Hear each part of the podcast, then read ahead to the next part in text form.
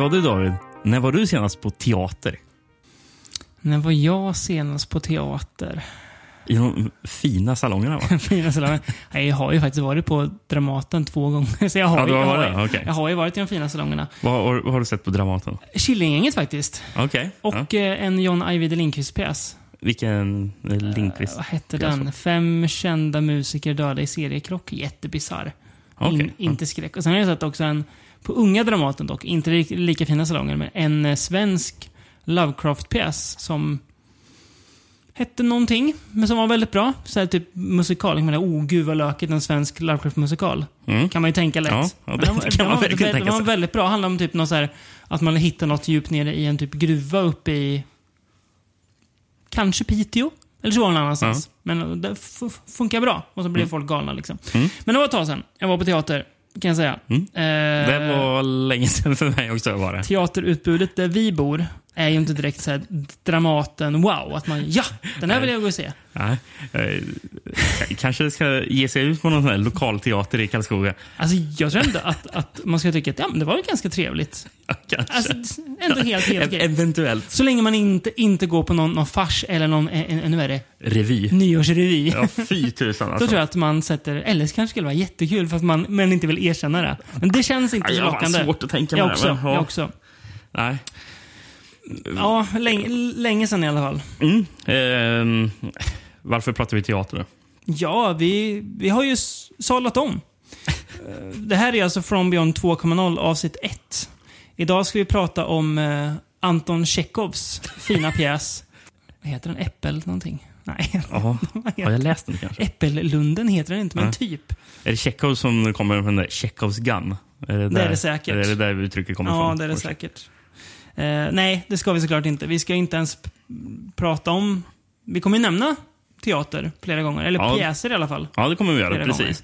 Eh, det här var ju ett sånt här tema som jag hade, hade tänkt, tänkt ihop för ett tag sedan. Ett så kallat fint koncept. Ett fint koncept, ja. Precis. Som var ett väldigt löst och sammansatt Mm, men koncept. fint. Som det kan vara ibland när jag eh, Ja. sätter ihop avsnitt. Som förra, förra avsnittet som var det här rånavsnittet. Det var ett fint avsnitt. Ja, Det var lite- många som inte tyckte det kanske. Ja, och också kul, Polariserande avsnitt. måste jag ändå säga, kul att vi får re reaktioner som att det här, det här var inte ert mest spännande avsnitt, för då vet man att, att folk verkligen är ärliga.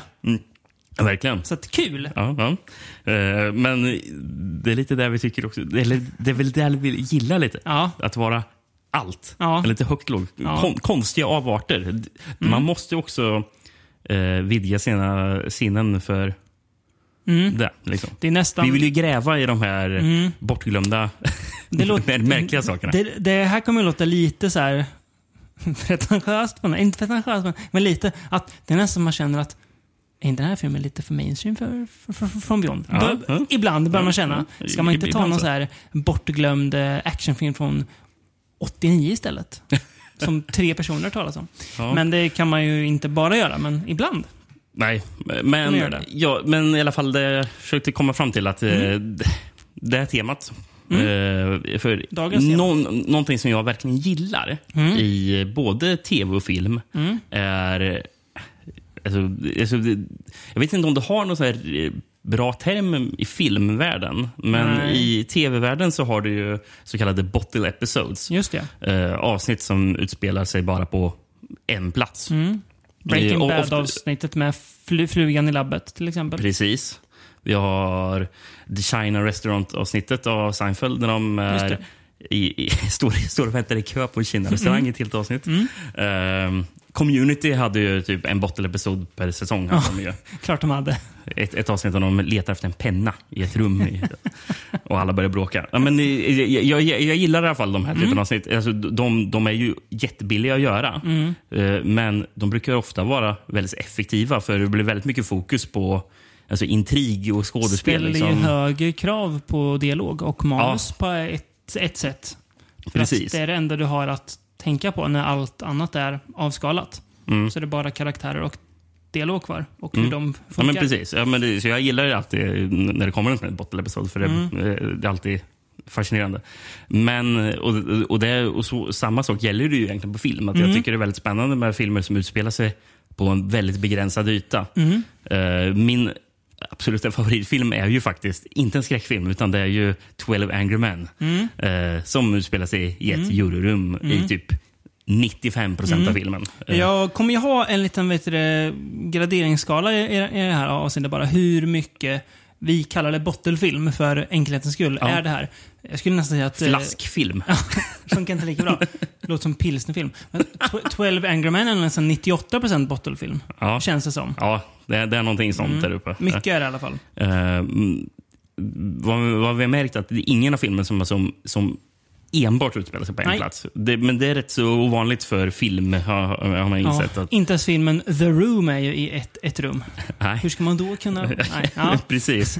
Mm, men jag tänkte, vad har vi mer för exempel på så här kända bottle movies som vi inte kommer att prata om? Alltså, rättegångsfilmer är ju tacksamma.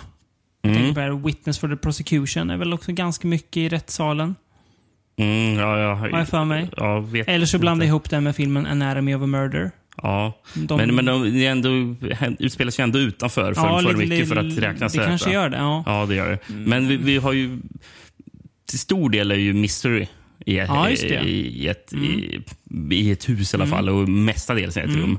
Eh, Den är så på gränsen om den verkligen Attack mot polisstation 13 är ju där och nosar, men inte riktigt. Men ändå så här, huvudfokus är ju ett rum Mm. i alla fall.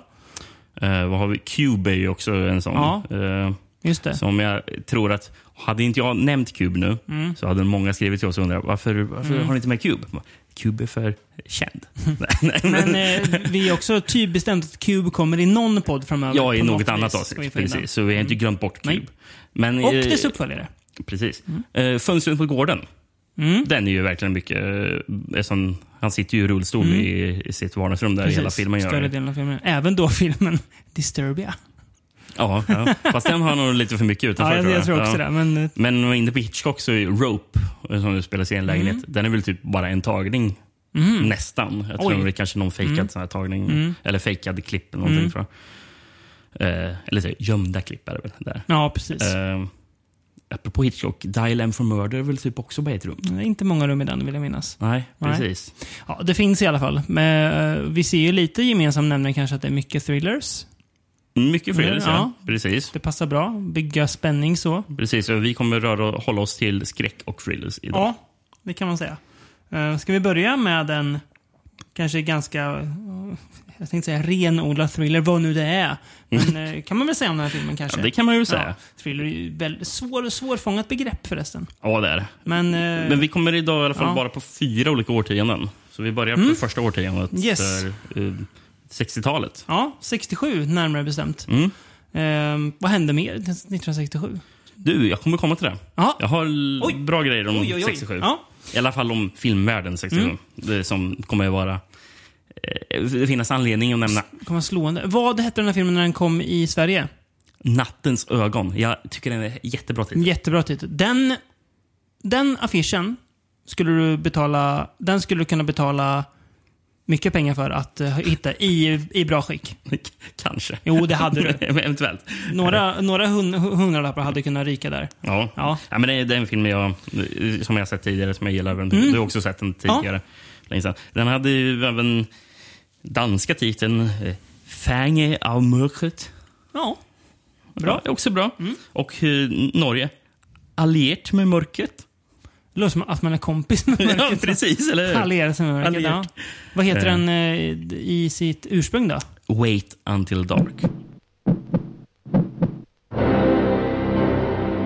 Audrey Hepburn, the role you're going to remember whenever you are alone.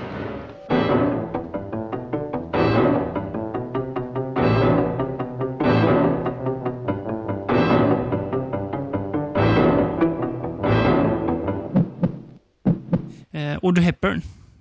Audrey Hepburn ja, i hennes enda thriller tror jag. Mm, inte ofta vi kommer prata om henne i den här podden. Nej, det finns inte så mycket eh, så from beyond compatible. nu och sneglar på din Breakfast at Tiffany's affisch som Ja, sitter uppe. Precis. Ja. Ett, ett litet scoop för lyssnarna. Ja, Rickard har en Breakfast at Tiffany's affisch hemma. Vad, vad säger det om honom? Ja. Jag kan säga, det, det, det säger inte jättemycket om Rickard att, att han har det. Ett ni- enigma. Ja. ja, Eh. hennes enda thriller ja. Typ. Ja, precis. Ehm, sex år efter eh, Breakfast at Tiffany's. Mm. Och jag tror det här var den sista filmen innan hon tog en liten paus i sin Ja. Hon skådespelarkarriär. var stor här va? Ja, fast hon, jag tror det hade börjat dala ändå. Ja, okej. Jag, Hon tror, var- jag, jag anar det. Hon var ju stor med Breakfast City, då var hon ju stor. Mm, ja, precis. Då var det väl peak måste det vara. Mm. Ja. ja eh, Um, jag har ju faktiskt en tagline som jag tycker är väldigt så bra. Mm. Eh, the blinds moving up and down, the squeaking shoes and then the knife whistling past her ear. det är ju bra. Den är ännu bättre om man vet vad filmen handlar om också. Men jag tänkte att du ska få berätta. Ja, jag hittade en eh, amerikansk VOS. Mm. Eh, Jag längtar till den, den dagen du hittar en tysk VS som du läser upp. ja, då får man översätta lite tror jag. Now there are just two of them. Susie, recently blinded and still learning how to live in a sighted world, and Rote, a psychopathic killer. Rote wants a heroin-stuffed doll he thinks Susie possesses. All Susie wants to do is survive, and her only hope is to wait until dark. Dim the lights, check the door's chain lock, and prepare to be scared out of your wits by cool Schiller as polished as the steel of Rote's blade. Audrey Hepburn earned her fifth Academy Award nomination as Susie, and versatile Alan Arkin is pure evil as Rote, master of disguise and accents. Precis, hon är ju blind då. Ja, precis. Eh, Audrey Hepburn. Och det är ju hennes man. Det är hennes mans fel. Eh, Fel är det ju inte. han, han tar emot den här dockan fylld med heroin. han, han vill väl vara snäll, för Ja. ska väl hjälpa att En forskarna kvinna. från Kanada, va? Ja. De ska fly, en flygning. En kvinna som eh, ger den till honom. Eh, Vet inte riktigt varför han accepterar det. nej, han, han, är, han är snäll. Ephraim Zimbalist Jr som skådisen heter. Mm, som jag tror har spelat eh, Bra namn. eh, Alfred i någon sån här tecknad Batman Jaha. från 90-talet tror jag. Ja, det ser man. Eh. Ehm, hur mycket bottlefilm är det här då? Är det 100%? Nej. men som sagt, ingen av dem här Nej. kommer vara Men det 100%. är ju Eh, 90%. Ja, om inte mer. Ja, eh, det är hög bottel, bottelfaktor. Ja, alltså, grejen som är gemensamt med de här filmerna är ju att de, många av dem har varit pjäser. Mm. Alla eh, förutom och, en. och skulle kunna vara pjäser Mm, också. japp. Eh, eh, det, det, det är väl I- det som gör, gör, gör att de liksom hör ihop ett- på ett annat Ja, sätt. För, förutom att det är att de spelar på en plats. Ja, men det är ju- Eh, att de känns ju- väldigt mycket så här, teaterkompatibla. Det är logiskt att en pjäs utspelar sig på en plats. Ett, så kallat kammarspel. Ja, precis. Ehm, tycker också det märks lite att den är baserad på en pjäs lite grann på både tempo och att det är väldigt fokus på dialog. Mm, Det mm. pratas mycket. Ja. Inte en nackdel i filmen.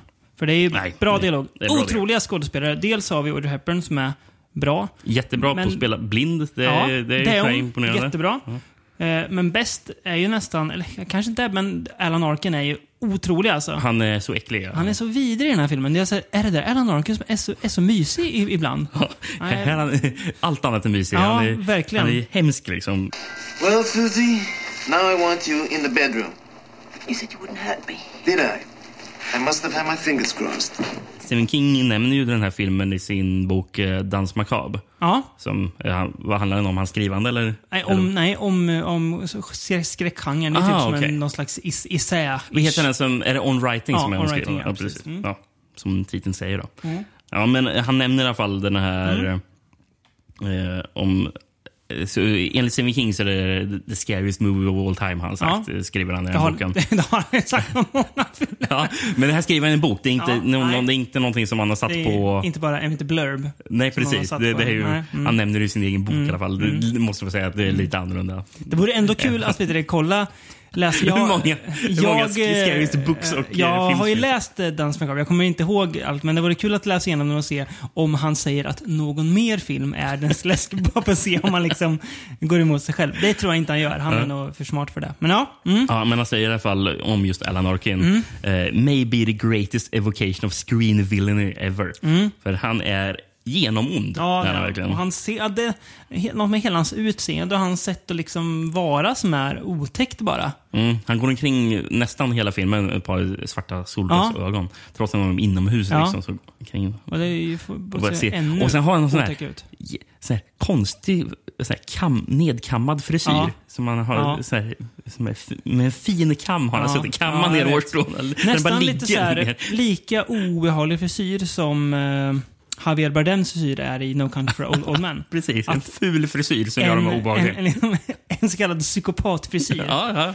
ja, men det har han verkligen. Mm. Eh, ja, men Alan, Arkin joinar ju ihop sig med två andra eh, kriminella. Mm. Richard Crenna, bland annat. Rambos kompis. Ja, det är väl översten Ja, i Rambo-filmerna. också väldigt bra här. Ja. Bra. Han är ju lite Det, mer han, hade charmig han, han är ju eh, med mer, han är Ja. med mer än Alan. Ja, Han är han lite, han, det är nästan som han ibland säger, ja, är han verkligen elak? Sen kommer man på vad hans egentliga syfte är. Han, han är sådär... Han, Han, är lite, lite sol och vårare, fast, fast liksom med lite mer elak touch.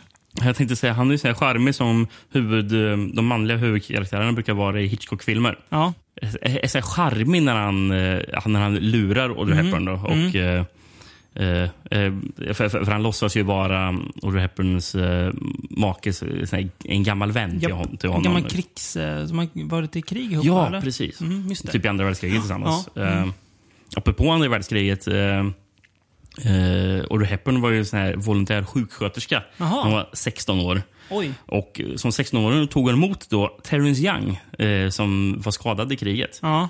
Även alltså, regissören till den här filmen. Jaha. Spännande. Ja, eller hur? Det, Kom de ihåg den när de gjorde den här filmen? Det vet jag inte Nej, någonting om. tänkte om de pratade något om den. Eh, men Terrence Young är kanske mest känd för att han har gjort eh, flera James Bond-filmer på Mhm. 60-talet. Dr. No, From Russia with Love och Thunderball. Mm. Jag tror han har sagt att From Russia with Love är hans favoritfilm av dem han har gjort. Ja. Eh, Richie Crenna i alla fall, som spelar Mike Talbot, är ju otroligt charmig. Liksom. Ja. Men det jag tycker är så otroligt, alltså då filmen verkligen börjar bli spänn riktigt spännande, det är då Audrey Hepburns karaktär börjar, ehm, börjar inse. För hon är så, det är så coolt för hon är så jävla listig.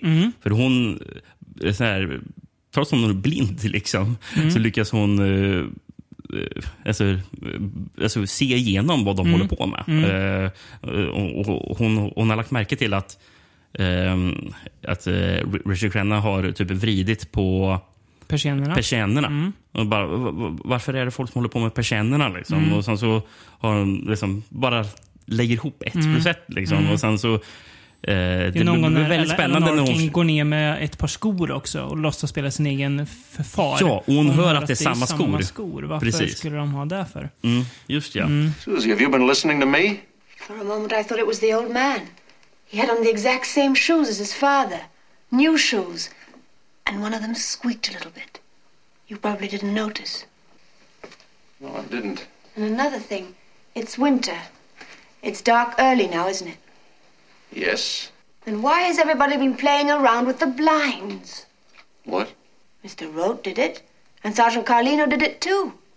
Mike, is that police car still outside?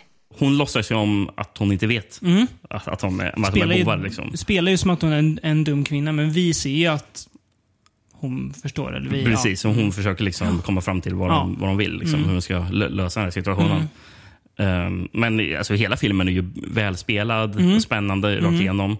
Men de typ 15 sista minuterna är fan, det är fan masterclass. Det är... s- Alltså, då, då, då är filmen nästan perfekt, liksom, tycker jag. De ju- sista kvarten är. Varje gång som en film blir hyllad och kallas för Hitchcockian. Det, det, en film borde inte få kallas det om, om den inte har en del som är lika spännande och intensiv som sista delen här. är. För det är väl nästan det som adjektivet Hitchcockian är. Ja, alltså det, sån jäkla nerv och liksom tät. eh, Ja, otroligt intensivt. Och där är det ju verkligen också, ingen direkt spoiler, men väldigt mörkt också i filmen. Pre- Precis. Ehm. Alltså, grejen att eh, det, filmen kommer ju bli... Det, är så, det blir ju natt. Mm. Och sen så bör, för hon, eh, när hon inser att hon inte kommer kunna fly undan där, Mm. så hur ska jag kunna försvara mig? Jag, jag är ju blind, men de har ju syn. Mm. Då har jag ett övertag om jag släcker Japp. ner lägenheten. Och För typ- de blir av med ett, ett, ett av sina sinnen. Det, det blir inte jag. Precis. Mm. Eh, och där har vi en, en kanske en av världshistoriens bästa jumpscares också. Mm, jag har skrivit upp den här. Där är, den är... Man hoppar fram Ja. till fortfarande. Så de säger att de vet exakt när det ska hända. Mm, liksom. Det gör man. Har, har du tänkt på att Alan Arkin förresten, han, han, ser han inte lite ut som Robert Downey Jr. i den här filmen?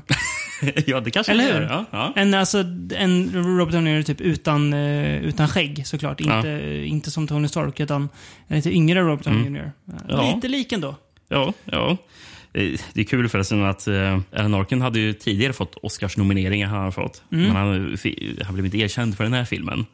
Och det ska vad han hade sagt för någonting. Om, Eh, om den här? Ja, precis. Och, eh, som är så här skämtsamt. Liksom, Mm. att, eh, eh, som han tror är anle- anledningen kanske till att ingen vill erkänna honom. Mm. You, you don't get nominated for being mean to Audrey Hepburn. Som alla, hela, hela USA liksom älskar Audrey Hepburn. Ja, Och just det, det är och sen så han elak mot henne. Liksom. Det går Det, inte. nej, det är inte, inte populärt. Nej, det kanske li- ligger något i det. Ja. Jag menar, ap- apropå just i alla fall eh, det här med mörker. Mm. Eh, trailern till den här filmen är väldigt rolig att kolla på. Mm. För den, Framförallt om man har sett filmen, ska sägas. Ja, faktiskt. Mm. Men för, den, för, det kommer en lång text i den som uppmanar eh, publik, eller som varnar publiken. Eh, på lite en sån här William Castle-sätt Mm. liksom, som hans trailer gjorde.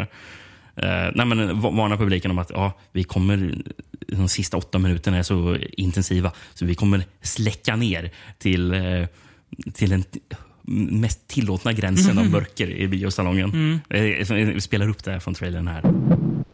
During the last eight minutes of this picture, the theater will be darkened to the legal limit to heighten the terror of the breathtaking climax which takes place in nearly total darkness on the screen.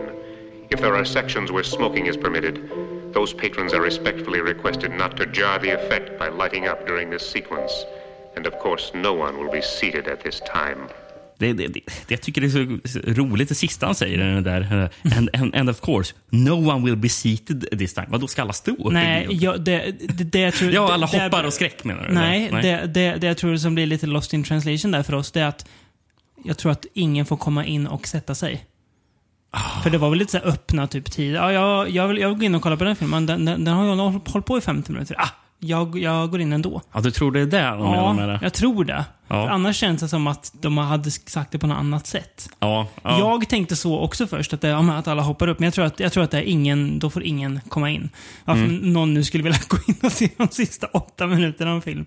Men, men, det kanske var vanligt. Jag vet inte. ja, nej, men det, Annan ja, biokultur då. ja, men, men det, det ligger nog någon, någonting i det du säger. Mm. Kul är det i alla fall. Någonting som också bidrar till stämningen. Mm. Eh, soundtracket tycker jag. Av ingen mindre än eh, av eh, Henry Mancini. Just det. Eh, Rosa Pantern. Mannen. Mm. Inte som även lika- gjorde soundtracket då till Breakfast with Tiffany's. Ja. För övrigt. Inte och, lika- och för övrigt till den där fina fladdermusfilmen Nightwing vi såg. Inte lika klämkäckt soundtrack som till eh, Pink Panther. Nej, Nej. Mm. men riktigt bra. Eh, Väldigt bra. alltså, eh, jag läste om hur de hade gjort soundtracket. Mm. Och Det är typ två pianister som, och deras pianon är ostämda. Mm. För, som jag tyckte att bara, fan, det låter som att tonerna är liksom är out of tune. Mm. Och sen så läste jag efter filmen och bara, ja, det var för att den medvetet gjorde att, eh, att, eh, att Henry Mancini hade en tanke om att ja, det skulle nog få folk att bli illa till mods. Mm, just det. Att det låter fel.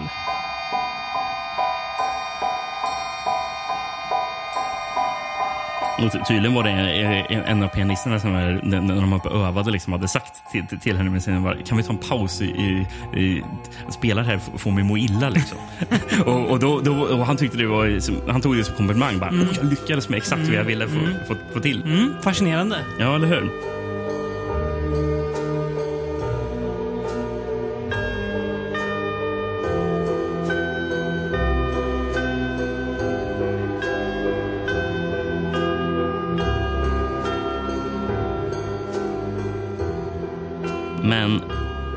Jag nämnde ju förresten det här med att, eh, eh, att jag skulle nämna eh, vad som hände året 1967. Filmåret 67, ja. Ja, för Audrey Hepburn var ju faktiskt, blev ju faktiskt nominerad till en Oscar för den här rollen. För den här, ja. Men Precis. vann inte då. Hon vann inte. Nej. Eh, kan ju kanske ha en förklaring till varför hon inte vann. Eh, och till vilket jäkla majestätiskt filmår 1967 var. En dålig koll på 67 känner jag. Du kommer golvas. Eh, andra nominerade eh, var eh, Edith Evans i The Whisperer. Det var den enda av dem som inte visste vilken det här var. Men sen så Faye Dunaway i Bonnie and Clyde. Eh, eh, Anne Bancroft som, spelar, som då spelade rollen Mrs Robinson i Just The det. Graduate. Just det, den kom så ja. Mm. Och vinnaren då var Catherine Hepburn i Guess Who's Coming to Dinner. Mm. Så den, var- den var väldigt stark, line-up där. Eh, men sen kollade jag lite mer eh, vad som hade här, varit nominerat eller vann Oscar och sånt där. Eh, Best Male Supporting Actor. George jävla Kennedy i Cool Hand Luke Oj. eh, vann där. Eh, George Kennedy har alltså en Oscars... Gud vad härligt. det känns som han kanske har fler va? Ja, men fint att, att han i alla fall har en tryckt. Eh, nominerad till, till, till det här priset var också um, John Cassavetes Mhm. i Dirty Dozen. Ja, just det. Rosemary Baby var väl året efter, va? Tror jag. Den Ja, är väl den 68. ja, Mm, precis. mm. Eh, och sen vinnare av Best Male Actor. Rod Steiger i In the Heat of the Night. Mm. Så det är fan... Inte Sidney Poitier alltså. Nej. Nej. Eh, alltså, det är väl det som kanske man kan säga... Det är kul att för In the, Heat of, In the Heat of the Night tror jag faktiskt vann för bästa film också. Gjorde den. Okej. Och Den här var no- nominerad till jättemånga priser. Mm. Sidney Poitier var inte nominerad till någonting, vilket är ett jäkla rån. Eh, Men med tanke på att... eh, Mm. Smak, smaka lite dåligt gör det. Ja, men, men med tanke på att uh, Guess Who's Coming to Dinner var från samma år också. Och eh, där Sidney Mm. Poitier är huvudroll. Eh, Båda och är var jättebra nominerade. Ja. Mm. Men eh, ja, han har väl fått eh, sin, eh, vad heter det, upprättelse efter kanske. Ja, det har han väl. Mm. Ehm, det finns ju andra filmatiseringar av den här förresten. Det Ja. Mm. finns en Wait Until Dark från 82. En tv-film med uh, Stacy Keach. ja, just det. Um, Catherine Ross. och, och, vem är Catherine Ross? dottern i The Graduate, va? Ja, Mrs Robinsons Mm. dotter. Då. Så, kul koppling. Sen finns det en indisk filmatisering från, från 1986 som heter 27 Mavalli Circle. Ja, det kanske är fint. Eh, sen så var 2001 en film som heter Nowhere in Sight. Det är tydligen en re- Mhm. remake också på den. Eller en filmatisering av Mm. pjäsen. Då. Med, TV-film? Med Helen Slater. Vem är Helen Slater? Inte syskon med Christian Slater, Nej, lär jag mig. nej. Men kul- kul nog, de har spelat syskon i en film från 80-talet. Gud vad skruvat. Ja. Förresten, eh, Alan Arkin är ju fantastisk, så har vi ju sagt flera gånger här. Vet du vem som var ett av att han inte spelade den rollen, som jag inte tror hade passat? Inte Ernest Borgnine. Nej, Det hade, det hade varit kul. intressant hade det varit. Ja, det hade varit kul. Nej. C. Scott. Nej, det, Det känns felkostat som bara den. Nej. George Scott hade kunnat, kunnat spela den, där, den där tredje kumpanen. Ja, som jag inte vet vad han heter. Nej, fast. George Scott är också lite för stor för att, alltså skådespelare för att inte spela en tydlig roll. Ja. Ja, precis. Nej, bra att det blev Alan Arkin, får vi väl säga med facit i hand. Mm. Eh, Det sista jag förresten skulle säga gällande Gällande det här, eh, eller gällande den här filmen. Mm. Det sista jag har i alla fall. För vi har inte pratat om pjäsen. Nej. För pjäsen kom eh, 66. Eh, skriven av Fredrik eh, Nott. Mm. Som också skrev eh, pjäsen Dial M for Murder. Som Jaha. senare blev filmen. Mm, just det. Så det är, det är en kul koppling. Röd tråd. Mm. Och eh, på, när det gick eh, eh, på teater då, eh, i 66. Ska se vilka, vem som spelade Susie, alltså Audrey Hepburns roll. Lee Remick. Mhm, från Omen, va? Mm. Precis. Just det, bland annat. Eller Omen som jag kan dra ur. Ja, men hon har ju varit med mycket. Men Mm. Ja, det ser man. eh, kanske ett av de, en av de största eh, filmerna hon har gjort är väl Omen. Mm. Får man väl säga. Eh, och som den otäcka wrote då, Robert Duvall. Ja, det, kan det, kan det köper jag. Mm, eller hur? Mm. Det köper jag. Rimligt. Mm. Apropå Dial M for Murder förresten. Visste du att det finns en svensk filmatisering av den från 1960? Med, som heter Slå nollan till polisen. Det var Ja. väl den svenska titeln på ja, Hitchcock-filmatiseringen. Ja, jag hade ingen aning om. Arne Mattsson, eller?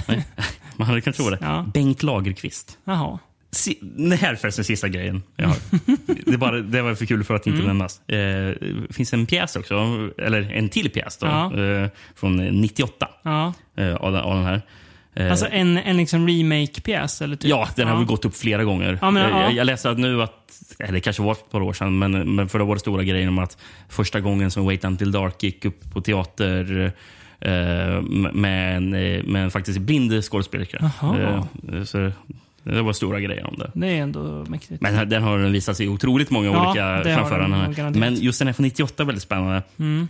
97 gånger visades den på scenen eh, med den här casten. Som är Stephen Lang. Eh, som jag. Som tror, wrote? Nej, jag Nej. tror. Jag skulle gissa på att han eh, var den här eh, Mike Mike Talbot tror jag. Eh, som blinda kvinna. Mm. Marissa Tomei. Jaha. Va- varför jag inte tror att Stephen Lang är wrote Mm. är för att det här namnet är med. Och det måste ju vara wrote. Quentin Tarantino. Oj! Ja, han, Han måste ju ha varit Alan Arkins karaktär. Ja. Jag bara tänker att eh, som sista inlägg då, i uh, Wait Until Dark-debatten. Nej, men, eh, är det inte lite typiskt att när Tarantino själv är med i sina filmer så vill folk, folk vill gärna på, på, påpeka bra film. Men Tarantino, vilken dålig skådis han Ja, är. det ska alltid nämnas. Jag, jag tänker så här, hade Until Dark verkligen gått 97 gånger om en så antagligen då bärande karaktär hade spelat av en så usel skådis? Jag tror inte det. Svårt att säga. Det är väl att han, han är väl sällan bäst i sina filmer, Tarantino. Men det är väl, han är ju inte främst en skådespelare. Jag tycker också det lite onödigt att på, påpeka det. Ja, också är att, alltså, han är ju ingen dunderskådis, men jag, han, jag, tycker, han, jag tycker han, aldrig han är ju inte kass. Nej, jag tycker aldrig att hans eh, insatser eh, tar bort den Han är ju filmen. bra ifrån Dusty Dawn. Ja, ja, precis. Det har han inte gjort själv. Men det, det är kanske då han är bra. När han inte regisserar sig själv. Mm, Kanske. Jag får att han är ganska kul i Death Proof som en bartender. Det minns jag Som faktiskt typ, inte. han är bara med en, en kort scen. Ja. När de typ festar med Eli Roth, tror jag. Inne på någon bar innan de träffar Stuntman Mike. Ja. Sidospår. Deluxe, ja. Vi Ska åker vi röra oss till nästa film? Fem år framåt i tiden till det härliga 70-talet. Är året 1972. Ja, precis. Här Har du koll på det eh, året, eller? eh, Jag vet att eh, det kom en tv-film då som vi ska prata om. Jag gick inte på bio. 72, 72, 72. Det känns som att typ, typ Twins of Evil kom då kanske? Det är, Någon det är nog inte omöjligt. Ja. De, då, då, då var det Hammer började bli snuskiga också, för att man fick visa naket från och med typ 1970. Så att, tittar du på en Hammer-film från 69, ingen naket. Tittar du på en Hammer från 70-talet, jättemycket bröst. Ja, ja, precis. Som gick igenom en, Intressant. en förvandling där. Hammer var, alltså det, är- det är lätt så här, det är kul med Hammer för man tänker, men Hammer var ju så här classy. Hammer var ju lite kanon, att de ville ju verkligen här, exploatera det som var populärt. Det är bara att det, det liksom ser och känns så propert för att det är britter. Ja. precis. Men eh, super, älskar Hammer, men Ja. de var ju inga, inga class acts. Och för er som tyckte att det var på tok för länge sedan vi pratade Hammer, för det var jättelänge sedan vi pratade Hammer. Mm. Ja. Vi kommer nog snart göra det i något kommande Ja. avsnitt. Så sitt ner och vänta. Mm, sitt i båten. Sitt i Eh, här ska vi inte prata Hammer, men vi ska prata Storbritannien. Ja. Eh, skulle kunna vara Hammer ju. Mm. Men det är inte Hammer. En tv-film som heter The Stone Tape. Uh, här bryter vi lite mot poddens koncept för att den här filmen visste vi liksom inte så här, jättemycket om, men vi blev sugna på att ha med den. Jag blev ju grundlurad för det var någon Ja. som hade haft med en lista över, över, över så, lik, alltså såna, den här typen av film. Ja, just det. Ut- Mm. Men jag tycker ändå den passar. Ja, det För- gör den. eh, På något sätt känns För den är ändå rätt så begränsad yta Ja, vi, har- vi rör oss Mm, på. mm. Och sen så... Den, den, är, den står faktiskt som en, en filmatiserad pjäs, typ. Ja, det gör det. Det här är en pjäs alltså. Ja, fast Inte en pjäs bara skriven för tv. En så kallad tel, en kallad Teleplay. teleplay. Precis. Ja. Så jag Okej. tycker att uh, den passar. Mm. Vill du ha handling av mig eller har du något redo? Den här har ingenting Nej. på, så du får läsa. Ehm, det handlar ju om då en eh, elektronikfirma typ. Eh, Någon slags eh, elektronikföretag. Alltså inte elektriker utan som pysslar med elektronik. Ja, ja. Alltså, alltså, typ, alltså tänker typ Samsung, alltså något sånt för, för företag. Ja. Typ. Eh, som kommer till ett eh, gammalt hus då. Eh, för att ta Gammalt fram... viktorianskt hus. Det är Precis. det är värt att nämna att det är Ja, det är verkligen. Och det, där de, de ska komma på ett nytt inspelningsmedium, alltså en ny inspelningsmetod. Ehm, och det är för att de pratar om att japanerna kommer alltid slå oss jämt liksom. Eh, så vi måste komma på någonting nytt som kan slå dem. Det, där, det är det som är syftet. Eh, och där är en kvinna med där som då rätt fort i en väldigt nedgången och ruskig del av huset f- upplever någonting övernaturligt. Eh, och de är ju Precis, så här... för, för, för, för det är det någon sån här källare typ. Ja. Som det är mycket så här stenväggar Japp. som de hittar bakom typ träväggar. Ja. Och för det är någon som säger att ja, men, för huset är ju egentligen ännu äldre. Ja. Det var inte bara viktorianskt. Nej. För de bara, ja den här är från Saxon Times. Bara sax, saxerna liksom. Jättegammalt är det.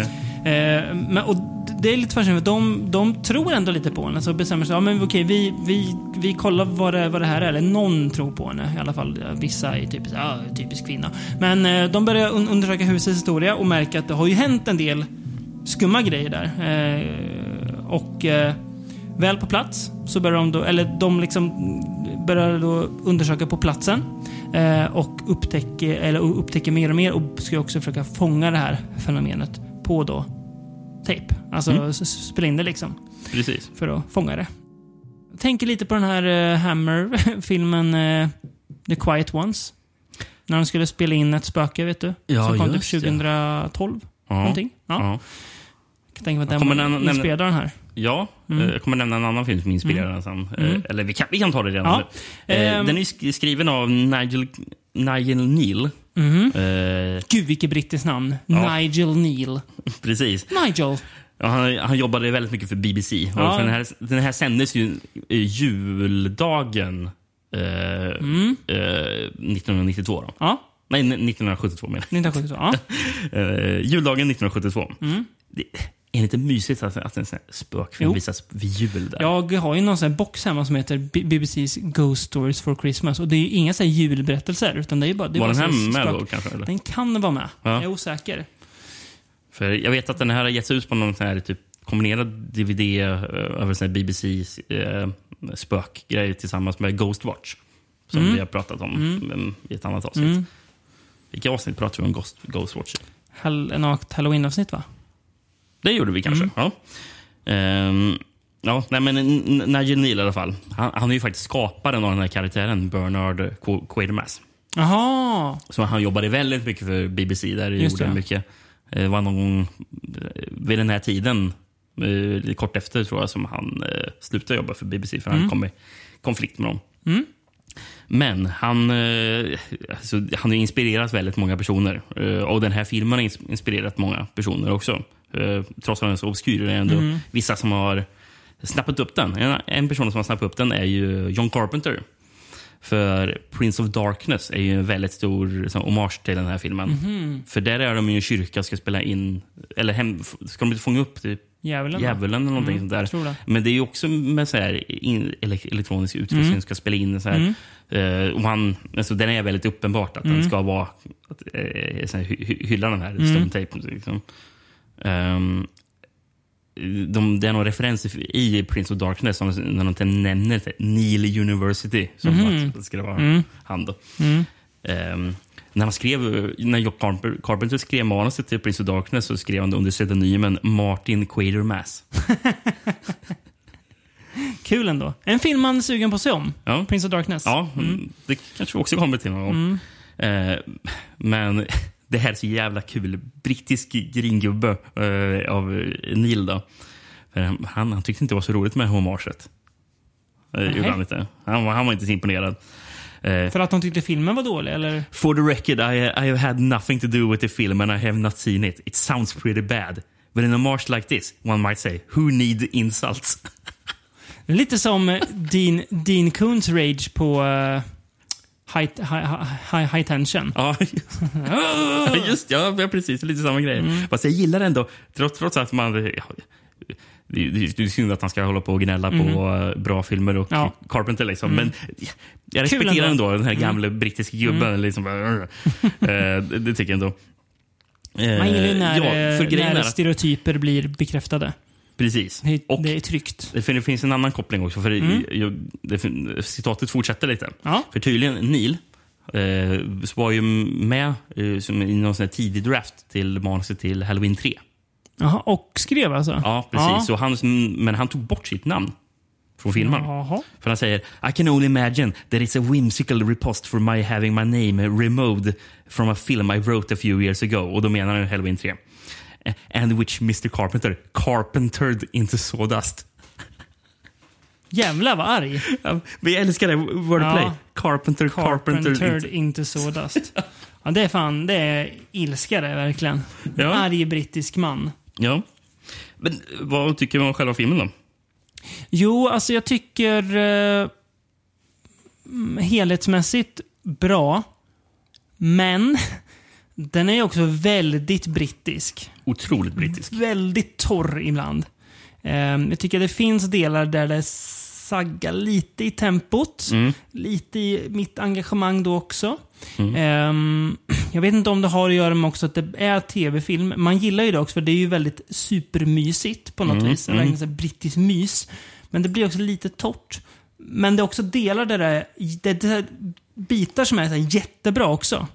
Som verkligen så, oh, nu, nu, alltså att jag ändå dras in igen. Precis, ja, men den har vissa scener som är jättebra. Ja. Eh, ja, man- Slutet är otroligt bra i den här filmen. Det är det. Jättebra. Då är det, så här, då är det nästan så att man vill gilla filmen mer än vad jag kanske gör. Ja, För man- att, att slutet så här, men sen tänker jag, ja, nej men helhetsmässigt bra. Precis. Men, den har ju eh, någon scen typ mitten på filmen också där någon eh, som inser typ att, att det här spöket är i banden de spelar in. Mm. När han börjar ro, ropar han typ “It's in the tapes” eller vad Mm. är det han skriker för någonting. Eh, ja, men det- är också riktigt bra. It's your code number. You fed it in. I didn't. You must have done. Th- There are words. There might be words. See, pray, So, that's so there. pray, prayer. It's in the computer! No! It is! It is! Bloody fool! You picked up words! You got words, you saw that's how it works. I told you! There it is! Men jag, jag tror att det som, för jag, för jag delar exakt samma Mm. åsikt som Mm. det. Jag, att den är mysig, men Mm. jag tycker den... Jag vet, den fångar mig inte riktigt kanske Nej. med det här elekt, elektronikfirman och det här gänget som ska... det blir lite så här, man, man typ både gillar det men inte, så här, inte nog mycket. Jag, jag gillar ju inserien när jag ser filmen dock, eh, när det är så här 70-talsfilm när de ska fånga spöken med analog te teknik. Det gillar man ju. Ja. Men det kanske blir lite, lite, lite mycket att de har sitter med, så här, med så här, typ bandspelare och grejer. Ja. Nu händer det inte så mycket. Kan de inte eh, driv fram någonting liksom? Men så kommer det något som är bra och så är man med igen. Så att det blir ju aldrig att jag tappar helt. Men Nej. jag, så här, filmen behöver fånga mig flera gånger för att jag ska eh, hitta ett riktigt engagemang. Nej, ja, men precis. Um, Peter Sastu är det som har gjort filmen. Han har Eh, jobbat för Hammer. Han har verkligen Mm. jobbat för Hammer. Uh, ungrare lärde jag mig att han var. Han är ju Ja, född i Budapest. Ja. Han. Ingrid Pitt är väl också typ ungrare. Aha, okej. Hon kanske är polack. Om, om, om jag inte minns fel. Det här, här kan vara en jävla skröna. Hon är inte född Ingrid Pitt. Men jag tror att hon har väl överlevt ett koncentrationsläger. Aha, okej. kan vara en skröna. Men jag har för mig det. Eller något så här som jag har byggt i Mm. mitt eget huvud. Mm. Men jag tror det. Ja, men han jobbar för Hammer sa du. Mm. Han har gjort Taste the Blood of Dracula, Ja. Countess Dracula, Ja, just det. Med Hands Pitt. of the Ripper också. Mm. Ehm, ja. Mm. Men, men, men apropå det här med att fånga, Mm. att fånga spöken analog teknik. Mm. Om det är någon person som, som, jag, som man förstår älskar BBC-produktioner, spöken, analog teknik, det här torr, torra, torra mysigheten. I det här tidiga eh, brittiska 70-talet. Mm. Det, då kan du förstå att Peter Strickland måste ju älska det va? Ja, det gör han ju. Ja. Mm. Eh, för det finns väl en BBC-radiopjäs från... Peter- Cirken som han älskar det här och Francos konstigaste filmer. Ja, men precis. Det, det är den kombinationen. Liksom. Mm. Ja, men det finns en BBC-radiopjäs från 2015 Mm. som är skriven av Ma- Matthew Graham och Peter Strickland. Kul. Den borde man kanske mm, försöka få tag på. Mm, ja, den hade man faktiskt velat lyssna på. All right, thanks for the enthusiasm because I intend to use it. What do you mean, Peter? They once had a guard with bell, book, and candle. Well, we're rather better equipped. I'm gonna chuck the lot at it. Do you mean go after it with electronics and then... Find out exactly what makes it. Well, it doesn't tick. It patters its feet and screeches. Everything we get, Jill's gonna program in the computer. Analyze a spook, Well, eh? let's say it's a mass of data, waiting for a correct interpretation. Ja, ska vi eh, hoppa typ 20 år framåt? Ja, Ganska långt. det gör vi. Eh, ända 22 fram år till- framåt. Ja, precis. 1994. Eh, är det året då Babe blev eh, nominerad till bästa film? Eller var det Vann den inte, eller? 95? Nej, det, jag tror att Braveheart vann. Då är det 95. Eh, den Okej. är bara nominerad då. 94 i alla fall är, är, är vi på. Mm. Eh, då hade väl den här eh, regissören eh, hunnit fly La- Land och rike. För eh, vissa mindre välvalda eh, livsval. Ja, Kan man säga. vi, vi, Men, vi kan ju eh, säga så här. Ja, men vi, vi kan säga så här. Vi, regissörer vi pratar om är ju då givetvis Roman Polanski. Och jag tänkte, vi skiter i att gå in på Roman Ja, Polanski. Vi. låter han vara och sen så pratar vi om Ja. resten av filmen. Ja. Och så, så är. Eh, filmen heter Death and the Maiden. Mm. Eh, också då en filmatisering av en pjäs. Gud vad man fattar att det är en filmatisering av pjäsen med titeln. Deathmania, ja, är det Shakespeare kanske? Skulle man kunna tro. Ja, precis. Eh, Men det är det inte. lå- Låter det lika mycket filmatiserat av en pjäs om man eh, tar den eh, norska titeln Döden och pigen? Skulle kunna vara en, en typ Henrik Ibsen-pjäs. Eller hur? Ja, ja absolut. Vad- Sverige, Sverige, Döden och flickan. Du, här, så här, det här, Var Ibsen norsk eller dansk? Är det det, jag försöker säga? eller? den, den, den frågan skulle kunna vara med i idiotfrågan all, all mot alla. Var Henrik Ibsen norsk? Jag vet han inte. Var han det? Jag tror det, men jag vet inte. Nej, var han det? Nej, jag vet Jag tror fan alltså. han var dansk, eller? Ah, skitsamma. Ja, Ja. Eh, finsk titel förresten, om man över- översätter den till svenska. Ja. Ja, det här tycker jag är jättebra. Natt utan nåd. Mm. Eller hur? Mm. Riktigt fint.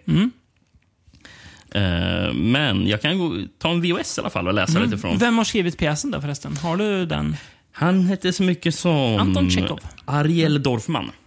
Ja. Ariel, vilken namn? Ariel Dorfman. Eller hur? Bra. Eh, kan gå tillbaka till Ariel Dorfman för, efter jag har sagt handlingen. För Ja. Det förklarar... Eller det kommer bli mer begripligt, tror Mm. jag. eh, Det jag annars skulle säga om honom. Yes. Och det här är faktiskt en svensk VHS jag har. Ja. Eh, jag fick en fy, fyra getingar av Expressen och fyra plus är det väl där från Aftonbladet. Ja. Mm. Mm. Eh, från Expressen står det kraftfull gastkramning. Ja. Och sen har de en svensk tagline också. I natt förvandlas det förflutna till nutid, offret till bödel. Paulina är ensam hemma i det ensliga huset vid stranden. Det är en stormig, orolig kväll. Paulina blir rädd när hon ser den okände bilen närma sig. Landets demokrati är färsk och hon vet att ett nattligt oväntat besök kan betyda livsfara. Men Paulina drar en lättnadens suck när hon ser en man komma ut ur bilen. Han har fått punktering och blir hemskjutsad av en vänlig främling. Allt verkar normalt tills Paulina hör främlings röst. Det är en stämma hon alltför väl känner igen. Väldigt bra Mm. synopsis måste jag Ja, säga. faktiskt. För att vara en svensk Mm. så här. De brukar kunna vara lite bristfälliga. Men, men det säger egentligen allting man behöver veta om filmen. Mm. För att man ska... Oh, det här är Precis. spännande. Det är ju ett, eh, ett icke namngivet sydamerikanskt land som det utspelar sig i. Det står ju i, i början av filmen A country in South America Ja, after the fall of the, the dictatorship. Exakt. Men Man tänker typ Chile. man tänker verkligen Ja. Chile. Och det var det jag ska säga. Ariel Dorfman från Chile som Ja, har skrivit pjäsen. Mm. Så, ja. Det är ju verkligen någon slags Pinochet-regim som de kommit ifrån. Ja, Eh, gud ja. Precis. Eh, Pinochet blev väl aldrig fälld, va? Han lyckades väl fly den jäveln. Gjorde han? Var inte han polare med Thatcher? Jo. Hon typ skyddade väl honom, tror jag. Du, häxa. Jag har för dålig koll för att Nu kunna... blir vi politiska. Nej, det, det kanske inte är, är så jävla politiskt att dissa Margaret Thatcher. Eller Pi- dissa Pin- Pinochet. Pinochet. Han, han var ju dum. Oh, vilket... Prombion har blivit kontroversiella. Tappar eh, 50% av eh, lyssnarna som är Pinochet-vurmare. Var det, det ändå något? Ja, det- det vi lyssnare kanske inte vi skulle vilja ha det i så fall. Nej, Tror jag. kan det vara. Ehm, Men, ja. ja, men eh, för, för grejen är ju att eh, och, och, och, och den här kvinnan Mm. eh, spelas ju av Sigourney Weaver. Då. Yes. Och ja, det man förstår är att när någon knackar mitt i natten Ja, hon minns ju hur det var i, eh, under diktaturen. Liksom. Japp. Och Då eh, fanns det väldigt mycket otäckt för- för- förknippat om det plötsligt Ja. knackar mitt i natten Ja. och det kommer en okänd bil. Hon bor ju verkligen mitt ute på landet. Precis. Och det tillhör ju också att hon har, hade varit kidnappad av, Mm. eh, hå- hålls fångatagen av den här, Mm. eh, av den här eh, diktaturen. Eh, och hade då blivit torterad. Japp. Eh, bland annat av en eh, doktor. Mm. Eh, som hon tror är den här mannen som, Mm. som har kommit. För hon känner igen rösten, för hon har aldrig sett hans ansikte. Nej, precis. Spelad av? Ben Kingsley. Gandhi själv. Mm, precis. Och Ben Kingsley är otroligt bra. Mm. Han, han är jävlar vad bra Mm, han ben, ben. Kingsley är. Ja. Ehm, Stjäl ju showen lite grann. Mm. Sigourney Weaver också bra, men eh, Ben Kingsley bättre. Ben Kingsley, ja, precis. Eh, det är nästan synd om Sigourney Weaver att Ben Mm. Kingsley är så bra. Mm. Vem är det som Eh, spelar mannen nu igen? Eh. Stuart Wilson. Ja. Eh, det är sån här, man har sett honom i Ja, flera grejer. visst har man det. Jag tror han är skurken i eh, Zorro-filmen med Antonio Banderas. tror jag. eh, jag tror han är skurken. Ja. Ja. Tror i alla fall. Det var länge sedan jag såg den. Eh, om vi ska gå in lite mer på vad som Det händer måste, i vi, filmen. det måste vi göra, Ja, annars det är det svårt vi. att prata om det. Precis. Hon eh, lyckas ju eh, binda fast eh, Mm. eh, Gandhi, höll jag på att säga. Ja, ben, ben, Ben- Ben Kingsley. Kingsleys karaktär, ja. Eh, ja eh, precis. Och, ska förhöra honom. Hon vill, ju, hon vill ju att han ska erkänna. Han, hennes man frågar, men vadå, du, du, du kan bara döda honom. Nej, jag vill inte döda honom, men jag vill, jag vill att han ska erkänna. Jag vill att han ska säga vad han har gjort. Precis. Eh, Och eh, han, Ben Kingsley här hävdar ju att jag, Ja, jag vet inte vad du pratar Nej, om. jag- Jag, jag, jag var inte ens i landet när det här Nej, hände. precis. I accuse Dr. Miranda of raping Paulina Lorca on 14 separate occasions, each time playing Schubert's Death and the Maiden on a wobbly turntable over cheap speakers. Raped? You never told me you were raped. I was. Of course, I was. This is crazy. I had nothing to do with any beatings or tortures. Ollie, we have to talk. When was this? When was I supposed to have done this? In 1977? I wasn't even in the country. I was in residency in Barcelona for three years, 1975 to 78. Check with them. Sure. I'll write them a letter. Or on a phone, make a call, get the number from. Very convenient. Why don't we just drive to the police station and ask them to call for us? Oh, we can't drive either. We have no car. Our car had a flat, and your car, Dr. Brand, has also had an accident. Went right through the guardrail and down the cliff. About a kilometer from here. I don't think you could have survived such a crash. Do you? You're an expert on how much punishment the body can take before death is the result. Huh? That's what they called you in for, wasn't it, Doctor? Och, och genom hela filmen är det så här att man vet inte om Nej. hon... För, för, för hon, hon är inte... eh, Alltså, Hon är ju supertraumatiserad. Precis, men hon är en... Vad, vad heter den när det är en huvudroll eller den är i, en, i, i ett verk som man inte kan lita på? Opålitlig berättare brukar man Ja. säga när det är vet du, litteratur. Ja, precis. Ja. Och det är väl det hon är. Ja, också. det är hon verkligen. Eh, Vi, vi, trots att hon är huvudpersonen vi, ska, Mm. vi, vi, egentligen ska förankra oss i. Eller bara, vi vet inte riktigt om vi kan lita på att hon har rätt. Hon kan ju faktiskt ha hört... Eller, det var ju många år sedan. Mm. Och hon är drar det ju, det verkligen är ju väldiga indiz. Det är att han lyssnar på en viss typ av... Om Death and, and the Maiden då, är ju ett... Eh, Schu- Schubert eh, Stycke. stycke Mm. precis. Som han har, för hon hittar i hans bil att han Mm. har ett kassettband med Mm. bland jättemånga kassettband. Så, Precis. så har han det kassettbandet. Och, och hon säger ja, han spelade Death and the Maiden Mm. för mig när Mm. jag hölls fången. Jag Mm. bara, ja, Det är det liksom- tillräckligt mycket för att fälla honom? Precis. Eh, Så man, man sitter ju verkligen som tittare och tvivlar. Och Mm. det här tvivlet tycker jag Polanski får till väldigt bra också. För att det är liksom så här... That's bullshit. This is a kangaroo court, and you've already convicted him, and the only evidence you have is your own testimony. If you want the real truth, The real, real truth. you are not a reliable witness. Because I'm crazy. Trust me, any court in the land would tear you to pieces. Isn't it true that five years ago in the Tavelli Cafe you heard the voice of a man that you recognized as the... Reminded me I never said it was him. Isn't it a fact that you panicked on a bus last summer when a man touched your shoulder? Stop it! Du sa ju till mig innan såg den att du, du kommer förstå vart Hard Candy har fått sin in, in, inspiration ifrån. Ja, Och, ja verkligen. precis. Eh, Ha- Ha- Hard Candy känns ju som en filmatisering av the Maiden. ja, precis. Eh, I, alltså eh, pjäsen då. i eh, Mm. modernare tappning. Ja, precis. I i en helt annan kontext. Ja, mm, men ändå, ja precis. Lite samma moraliska... För i Hard Candy, och det var länge sedan, jag, jag tror jag, jag har ju inte sett den sedan den kom. Nej. Men är det inte så att man un, inte riktigt vet heller om han är skyldig till att vara pedofil, den här Japp. mannen som hålls fången Patrick av- Wilson. Patrick Wilson, Mm. som hålls fången av vem då? Ellen Page. Ellen Page, just det. Bra film vill jag minnas, så i Mm. alla fall. är bra. Ehm, Ja, men eh, jag tycker den här är jättebra. Mm. Eh, vad, vad, tycker du den här tar för poäng på eh, så här bottle movie-skalan? 90 plus. 90 plus? Ja. ja. Den är ju nästan bara i deras eh, vardagsrum. Ja, till största Ehm, delen. Ja, det är lite i hennes sovrum, lite när hon typ, de är utanför i slutet. Typ, så här. Men alltså, till, till, till större del. Och det är det man märker också att det här är en, en, en pjäs från början. Mm. Eh, Vet, du vem som, eh, vilka som spelade? För den här hade världspremiär 91 på, på, Okej. på scen. Mm. Eh, men Broadway 92. Mm. Eh, vet du vilka som var huvudrollerna i Broadway-pjäsen? Ingen aning. Eh, Glenn Close, Jaha. eh, Richard Dreyfuss. Som eh, läkaren då? Men jag, eller? tror, jag skulle Som gissa på att det är maken. Ja, okej. För det känns som att läkaren måste nog spelas av- av Gene Hackman.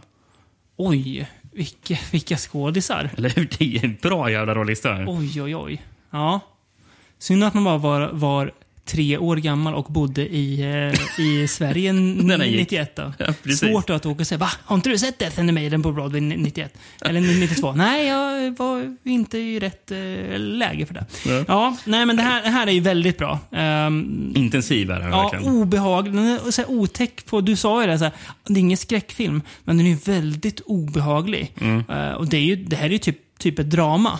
Ja. Alltså om man nu måste genrebestämma den. Men den Drama, thriller. Ja, precis. typ. Men den är otäck för att det liksom... Dels det här o- otäck i att han kanske har gjort allt det här mot henne. Men Mm. också otäck i att han Om- kanske inte har gjort, inte gjort det. någonting mot henne. Mm. Ehm, så den... De säger, säger någon gång... eh, eh, What if it's a coincidence någonting. Mm. Eh, bara, tänk om de börjar sammanträffande och Mm. de säger bara "He- he- if, a, if, a, if it's a coincidence, he's fucked. Ja, precis. Ja, det är verkligen- ja. Ja, det är Schysst. verkligen så. Eh, och slutscenen i den här... ehm, Den är stark. ju- Ja, vi ska inte säga vad som händer, men ja. Ben Kingsley slår ju knocks my socks off, kan man säga. Eller hur? Men, ja, otroligt st- starkt och så här, nästan lite så här klump i bröstet obehagligt då är det. För Mm. att det är så, ja, intensivt. Ehm, ja, en ganska ångesttyngd film. Men Ja, det är ingen in- munter film, Nej, men inte så här, inte, ja, men väldigt bra. Ehm, Mm. En slow burner kan man säga också. Ja, det är men väl- det det är är ju också logiskt att den är det. Mm. Mycket dialog. Och Ben, ben Kingsley Men det sitter är väl fast. gemensamt alla de här filmerna vi pratar om ja, idag det är är det ju. slow burners. Ja, verkligen. Eh, Eftersom de är så dialogdrivna. precis. Men, eh, nej. Väldigt bra. S- Soundtracket förresten, det är- det som sagt det är ju Schubert som har skrivit den. Mm. Eh, eller den här and the Mm. Maiden-kompositionen. Mm. Men Han behöver bråka med Polanski under inspelningen va? Aha. nej. Nej. Ja. Nej, men eh, det är en eh, Polanski eh, eh, så re relaterad person som har komponerat musiken till filmen. Mhm. Eh, Wojciech Kilar.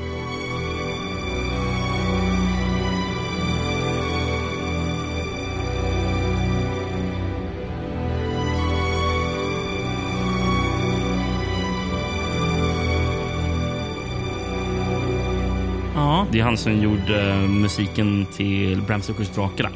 okej. eh, Ja. Som är jättebra. Ja, men han, har- han har inte gjort något mer för Polanski eller? Jo, det var det jag menade att han är Ja. relaterad för han har gjort musiken till Pianisten också Ja. och eh, Ninth Gate. Okej.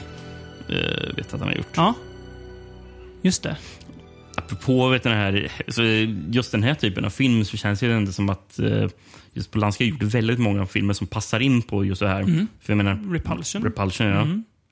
Och Rosemary's Baby är väl typ också bara i den här lägenheten nästan va? Ja, det är att de, de, de typ skiftar lägenhet kanske lite grann. Ja. Men det är ju... Ja. Men det är ju ändå Ja. rätt så begränsad yta. Japp. Samma sak egentligen med The Tenant, det är ju också en begränsad Mm. yta. Mm. Eh, vad är mer? Kni, kniven i vattnet är också här, Mm. en av hans mer tidiga. eh, Typ hans första? polska. Ja, jag vet inte om det är hans första. Nej, men en av hans första. En, En- hans, en tidig. Hans första typ stora i alla fall va? Ja, jag tror Känns det. som. Och det är väl ändå typ Kuldesack Ja. som han Mm. mm. tidigare.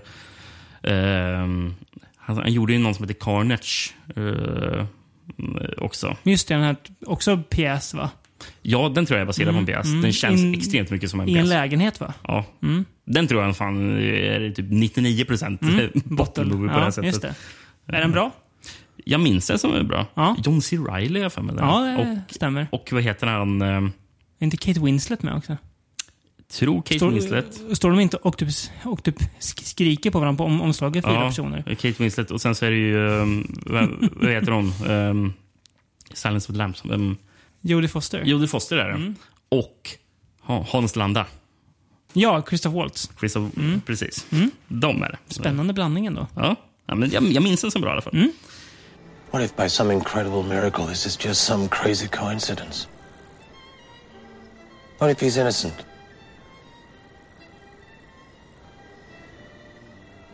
If he's innocent, then he's really fucked. Ska vi röra oss eh, till nästa årtionde? Ja, det gör vi. Eh, 2006. Ett år man eh, ändå har eh, aktivt medvetande kring vad man gjorde och inte gjorde. Ja, Det var typ då vi började lära känna varandra. Nej, 2005 tror jag vi började lära känna varandra. Kanske. Ja, Ja. kanske till och med 2004. Så att eh, vår vänskap var ganska ung här i alla fall. Ja. Men den här Eh, filmen såg vi inte tillsammans. Nej, och jag har inte sett den förut. Inte du heller va? Nej. Nej. Eh, först nu.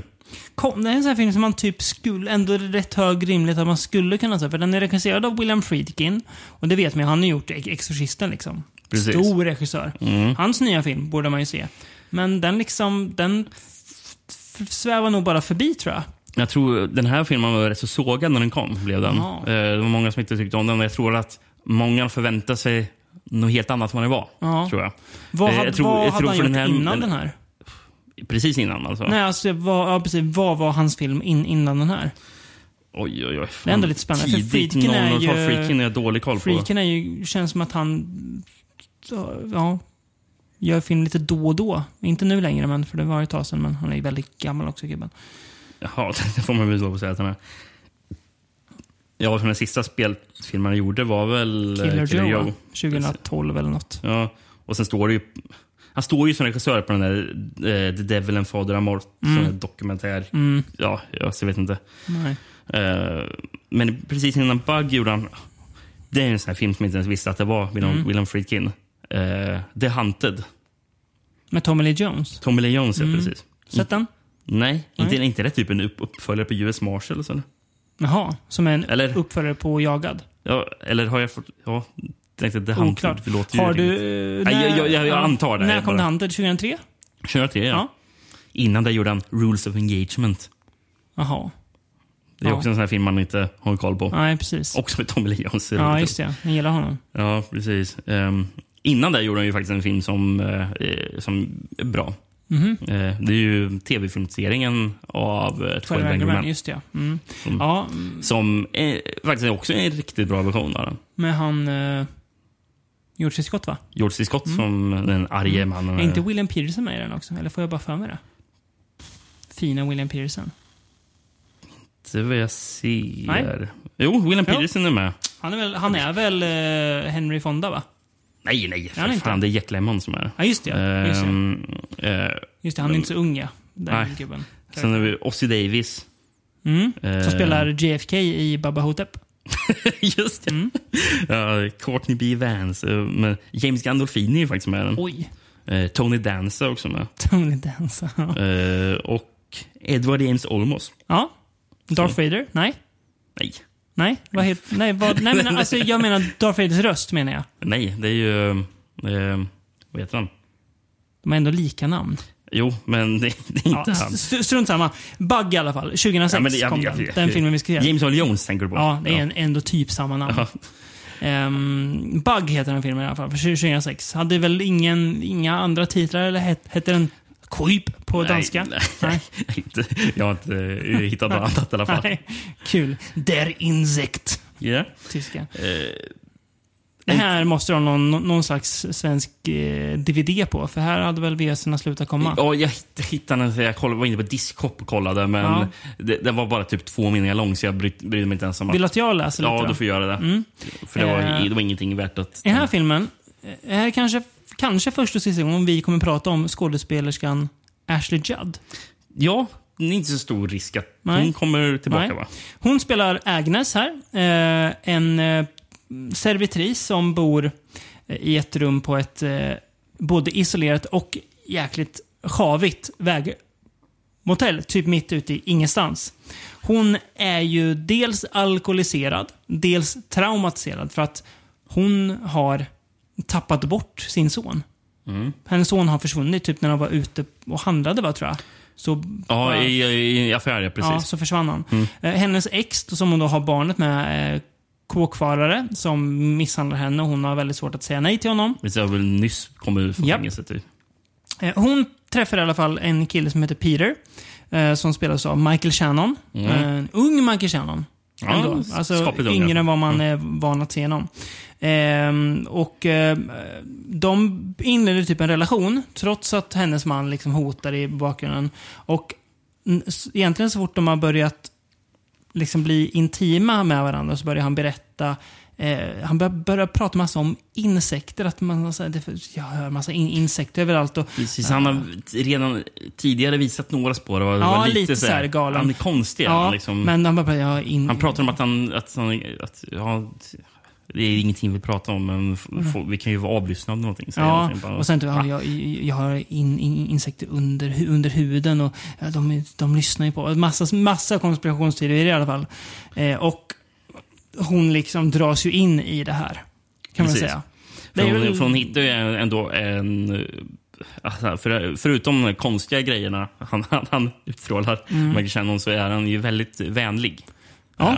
Mm. Och hon verkar ju inte ha haft någon trygg eh, Nej. man, person att Precis. förhålla sig till Lätt väldigt länge. att eh, dras till honom. Precis. Och eh, till en början så, så känner man verkligen för, för de två, för, det känns, Mm. för han känns så otroligt snäll. Liksom, ja, två, där. två För- trasiga själar, känns Ja, det som, som hit, hittar varandra. Som man, som man fäster sig ändå så, Mm. mm. för, för de två. Mm. Men sen så spårar det ju minst sagt. Mm, det gör det. Och det här, jag, jag, jag, jag fattade som att eh, den här filmen det mer marknadsfördes som en ren skräckfilm. Gjorde. Och sen så är det, kan du tänka dig vissa typer av skräckfans Mm. som, som bara, jag är ingen skräck. det här." Bloodydisgusting.com. Bug is the worst movie since... Ja, typ. Ja, Ja, precis. ehm, Så, så den var ju rätt så hatad eh, Mm. av många. Skriven av Tracy Letts som har skrivit Killer Joe också. Mm. Som då också gjorde pjäsen Killer Joe. Ja, jag, men, jag menar det. Alltså, som har, ska ha skrivit pjäsen. Ja, men, men han skrev manuset till Killer Joe också. Ja, det gjorde han kanske också, ja. Mm. Gjorde han. Eh, Ehm. Men, men pjäsen och pjäsen Bug då? Ja, precis. Ja, det var, jag menar ju att han har skrivit pjäsen Bug. Ja, för han han skrev manuset till båda filmerna också. Jaha, han har gjort det också. Ja, du ser. Ja.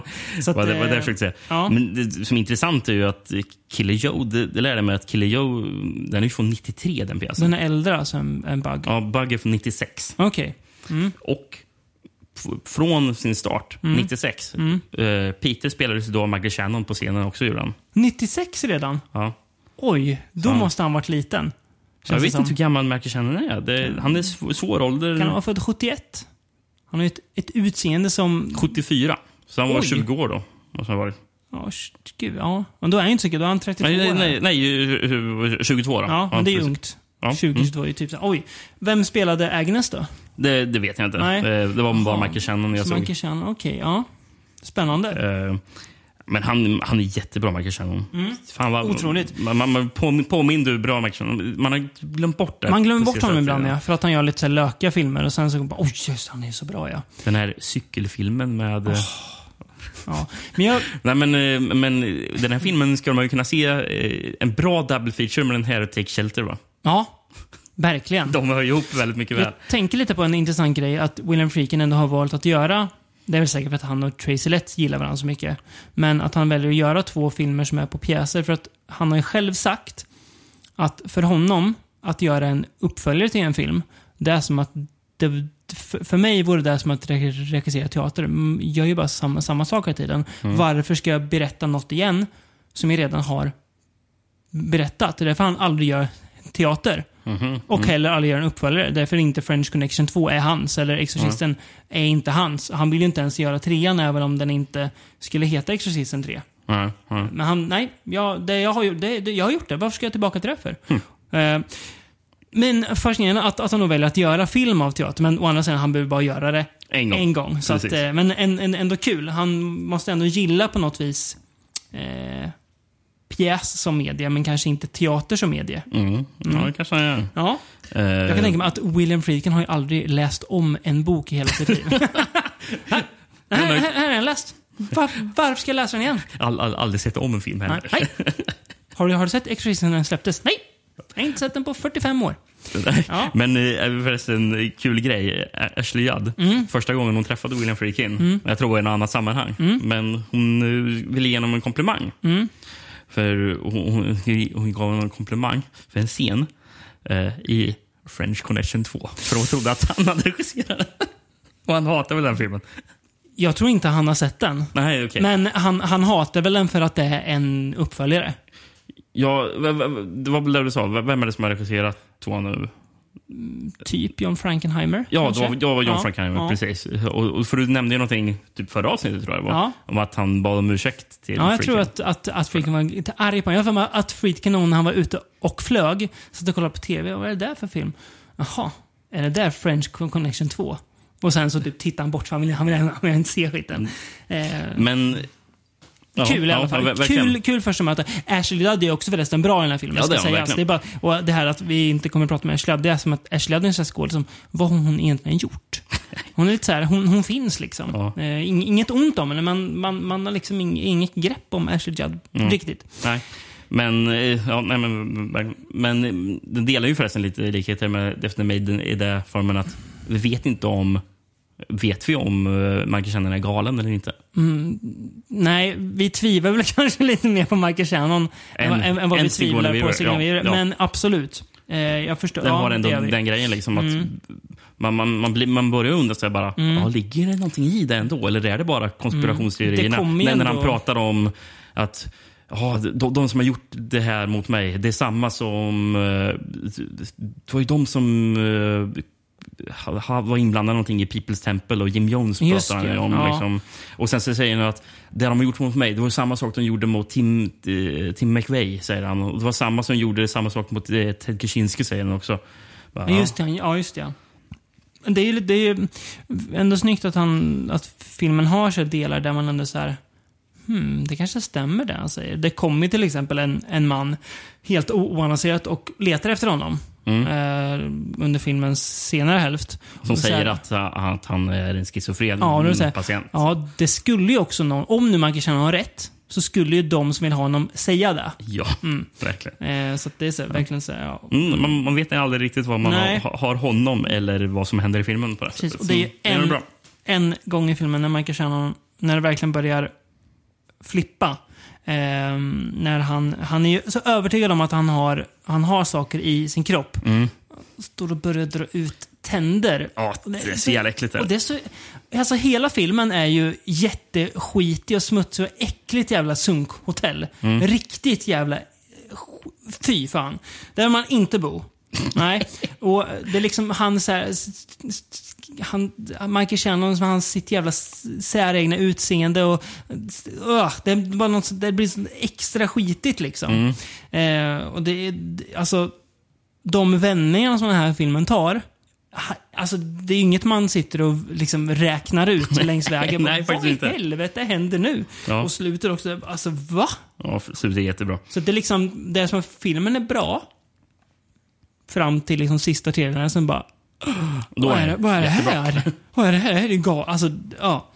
Eh, På samma sätt som att Wait Until Dark är jättebra och sen Mm. så blir den så jävla, så jävla nervig och otäck. Liksom. lite till. Ja. Precis. Att Fast på ett det- helt annat sätt. Och när vi skulle göra den podden, jag hade nog lite de här gamla recensionerna i åtanke, men sen med Bug, det var en sån här halvdan William här Kass liksom, halvkass. Men eh, verkligen inte. Eh, en film som förtjänar lite mer rampljus kanske, tycker vi. Mm.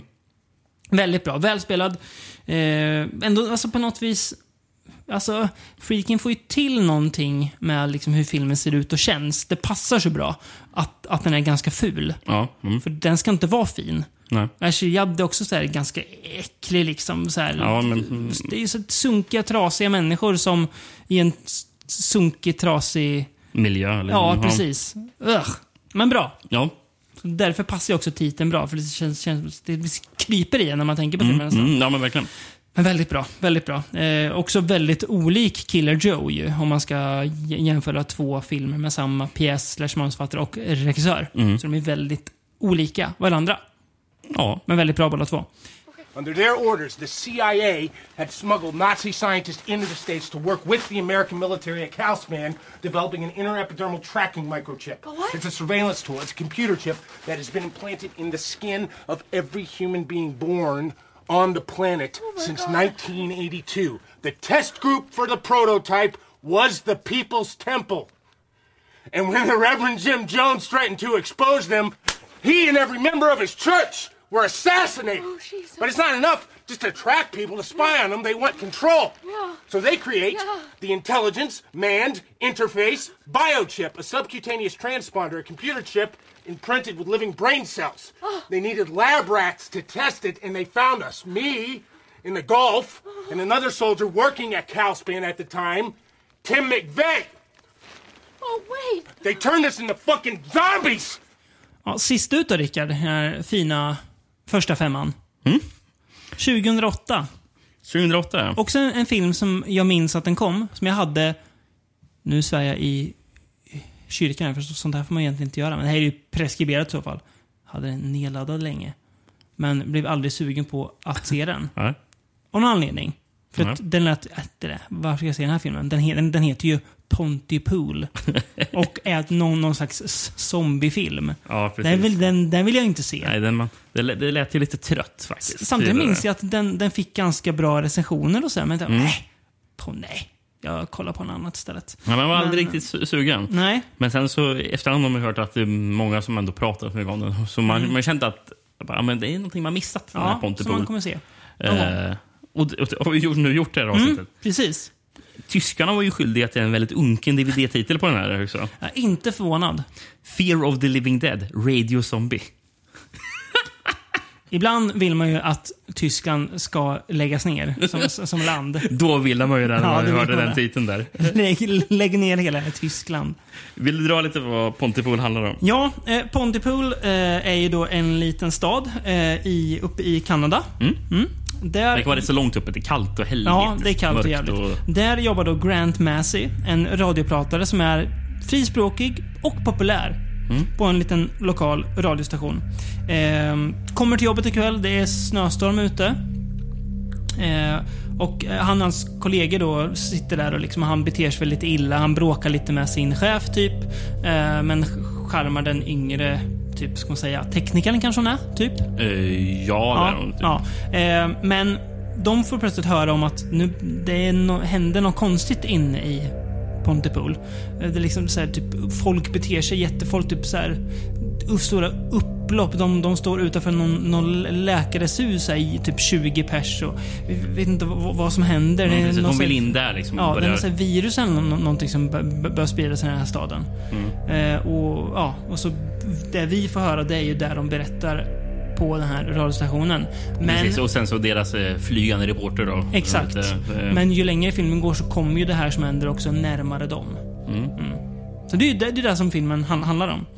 Ehm, Den här är ju väldigt mycket bottom movie, för Ja. fan nästan bara in den här radiostationen. 96, 97 procent. Hög, hög botten Väldigt rating. ex- exakta si- siffror där. 97,2. Nej men hög, väldigt hög bot- botten rating. Det här, känns, det här är en sån här film där man säger, ibland bara kan slås av att budget, för den här kan inte kosta mycket. Jag tror den kostar en och en halv miljon dollar. Ja. Den gick inte så väldigt bra, verkar det Nej, som. synd. ja. Men att så här att har man en kompetent regissör, ett bra manus, man vet vad man vill berätta och får till liksom bra skådisar. Även om jag inte känner igen någon, någon av skådisarna typ.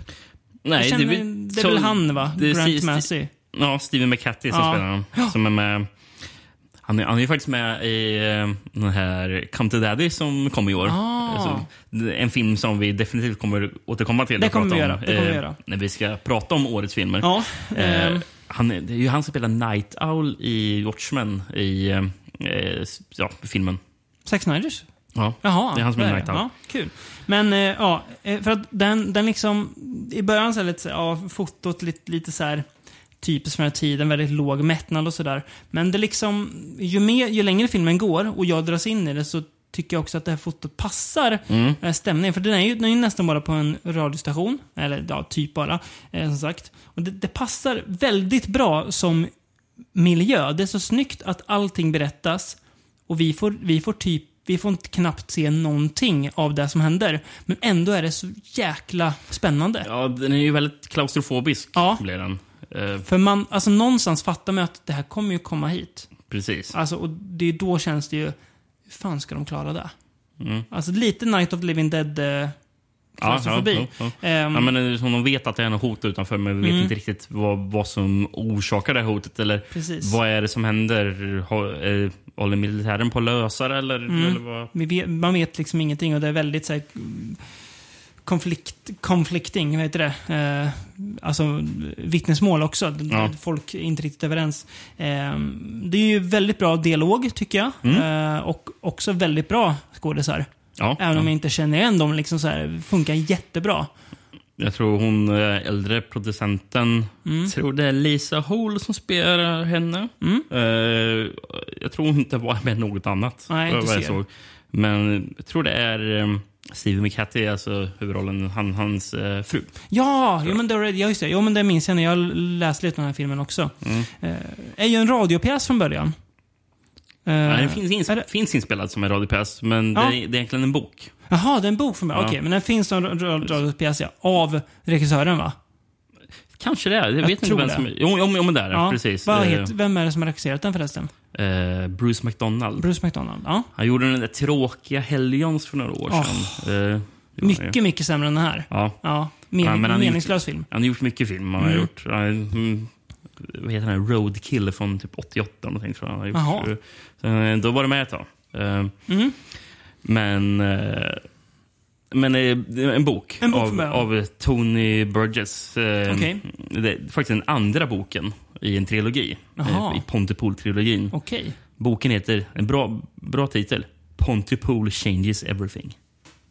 Mhm.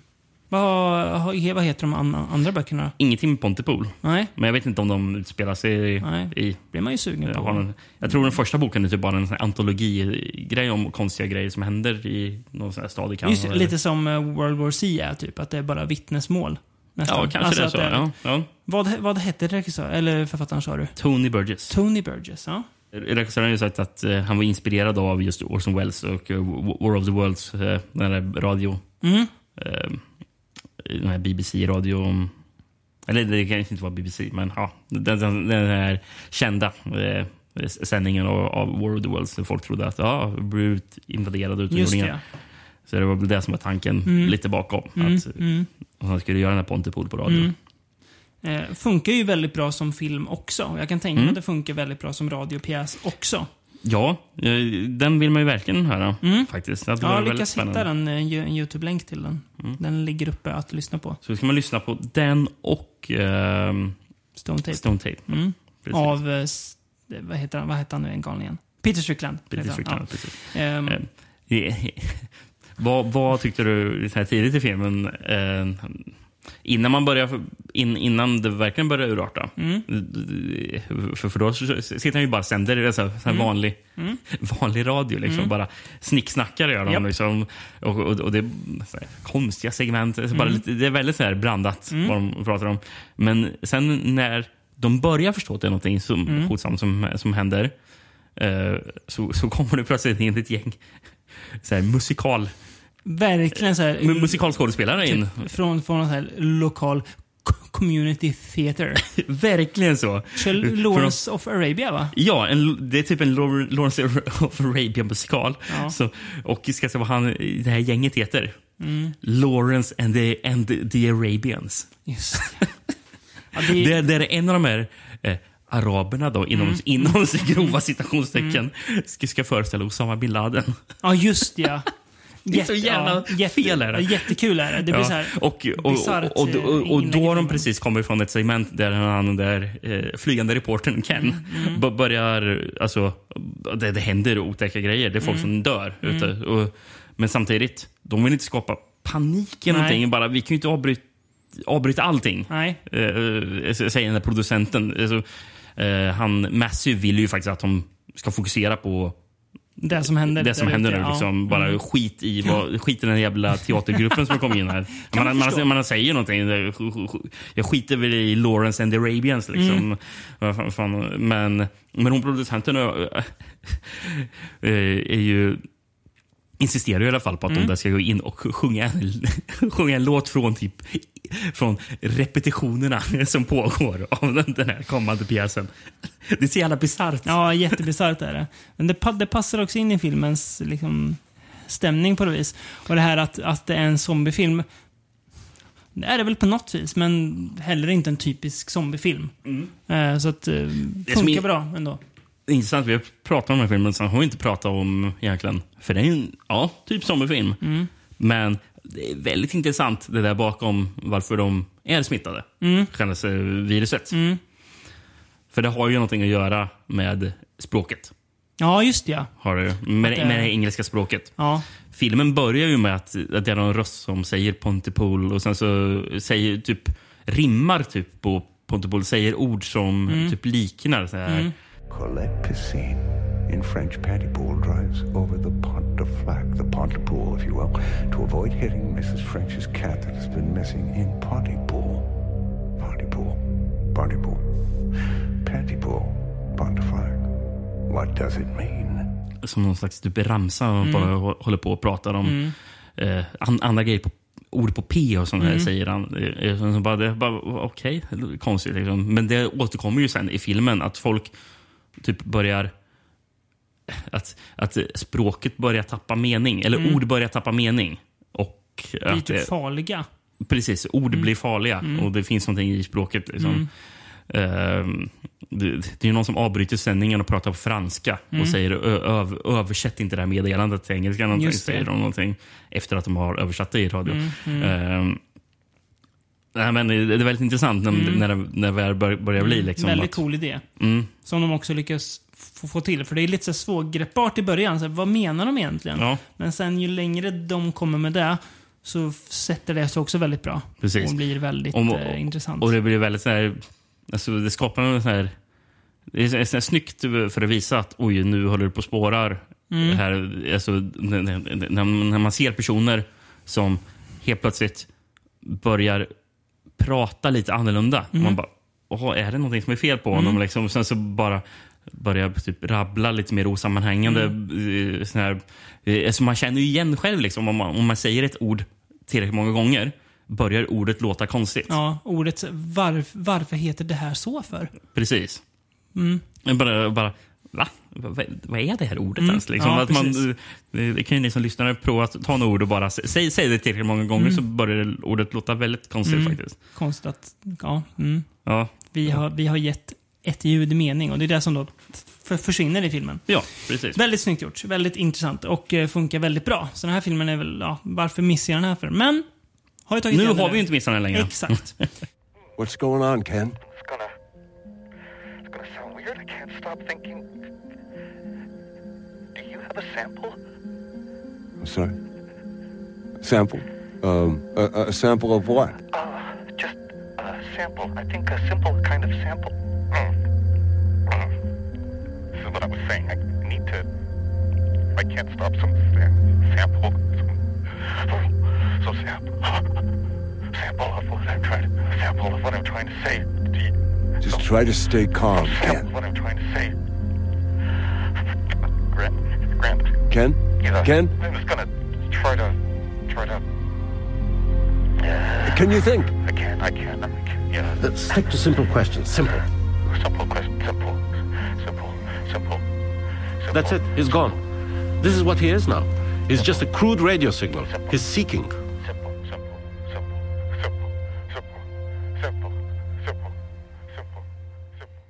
Sammantaget, vi märker det här funkar ju väldigt bra på film. Ehm, det här bottle- bottle-grejen. Verkligen. Eh, Det blir ju väldigt spännande och man liksom tvingas, det är som att man tvingas tänka om så här på något vis. Okej, hur ska vi berätta när vi, när vi bara får vara här? Då måste vi ju, vi måste ju tänka på att allt där ute, all, all, allt det här, allt häftigt man kan visa, Mm. det har ju inte vi.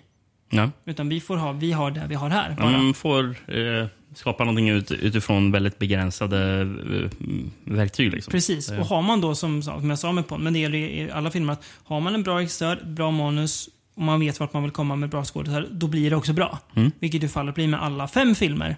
Uh, Stone Tape lite mindre kanske bara, men annars tycker Den jag... är fortfarande bra, Stone Ja, Tape, så. jag tycker, alltså, det typ, all, alla filmer är typ jämnbra nästan i den här Mm. podden. Min Det favorit är Wait Until Dark. Ja, jag håller med. Men, Eh, och den är lite bättre, men de andra, alla, alla är liksom väldigt bra. Ja. Det, Ja, jättebra filmer rakt igenom. Så kul. Eh, kul avsnitt. Eh, Kul, kul med ett avsnitt där alla filmer är bra. Ja, precis. Det är inte alltid vi får Nej. vara med om det. Eh, och bara för att... Eh, eh, för, för liksom en liten segway till nästa avsnitt då, utan att säga för mycket vad det handlar om.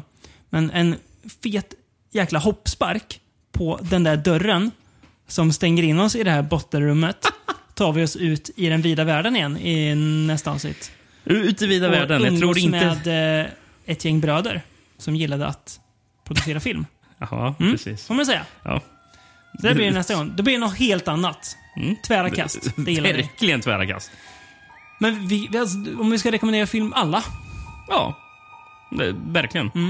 Så Det- se alla. Det, också det, det, fem, finns, det finns någonting för alla. Ja, det och fem väldigt olika filmer också. De, så här, fast det är typ samma, nästan samma så, övergripande koncept eller någonting, så är det ändå fem väldigt olika filmer. Mm.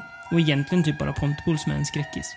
Ja. eh, Alltså ja. i ordet, ja, och- okej, Stone, Stone Tape också är väl lite mer, men Ja, så här, ja.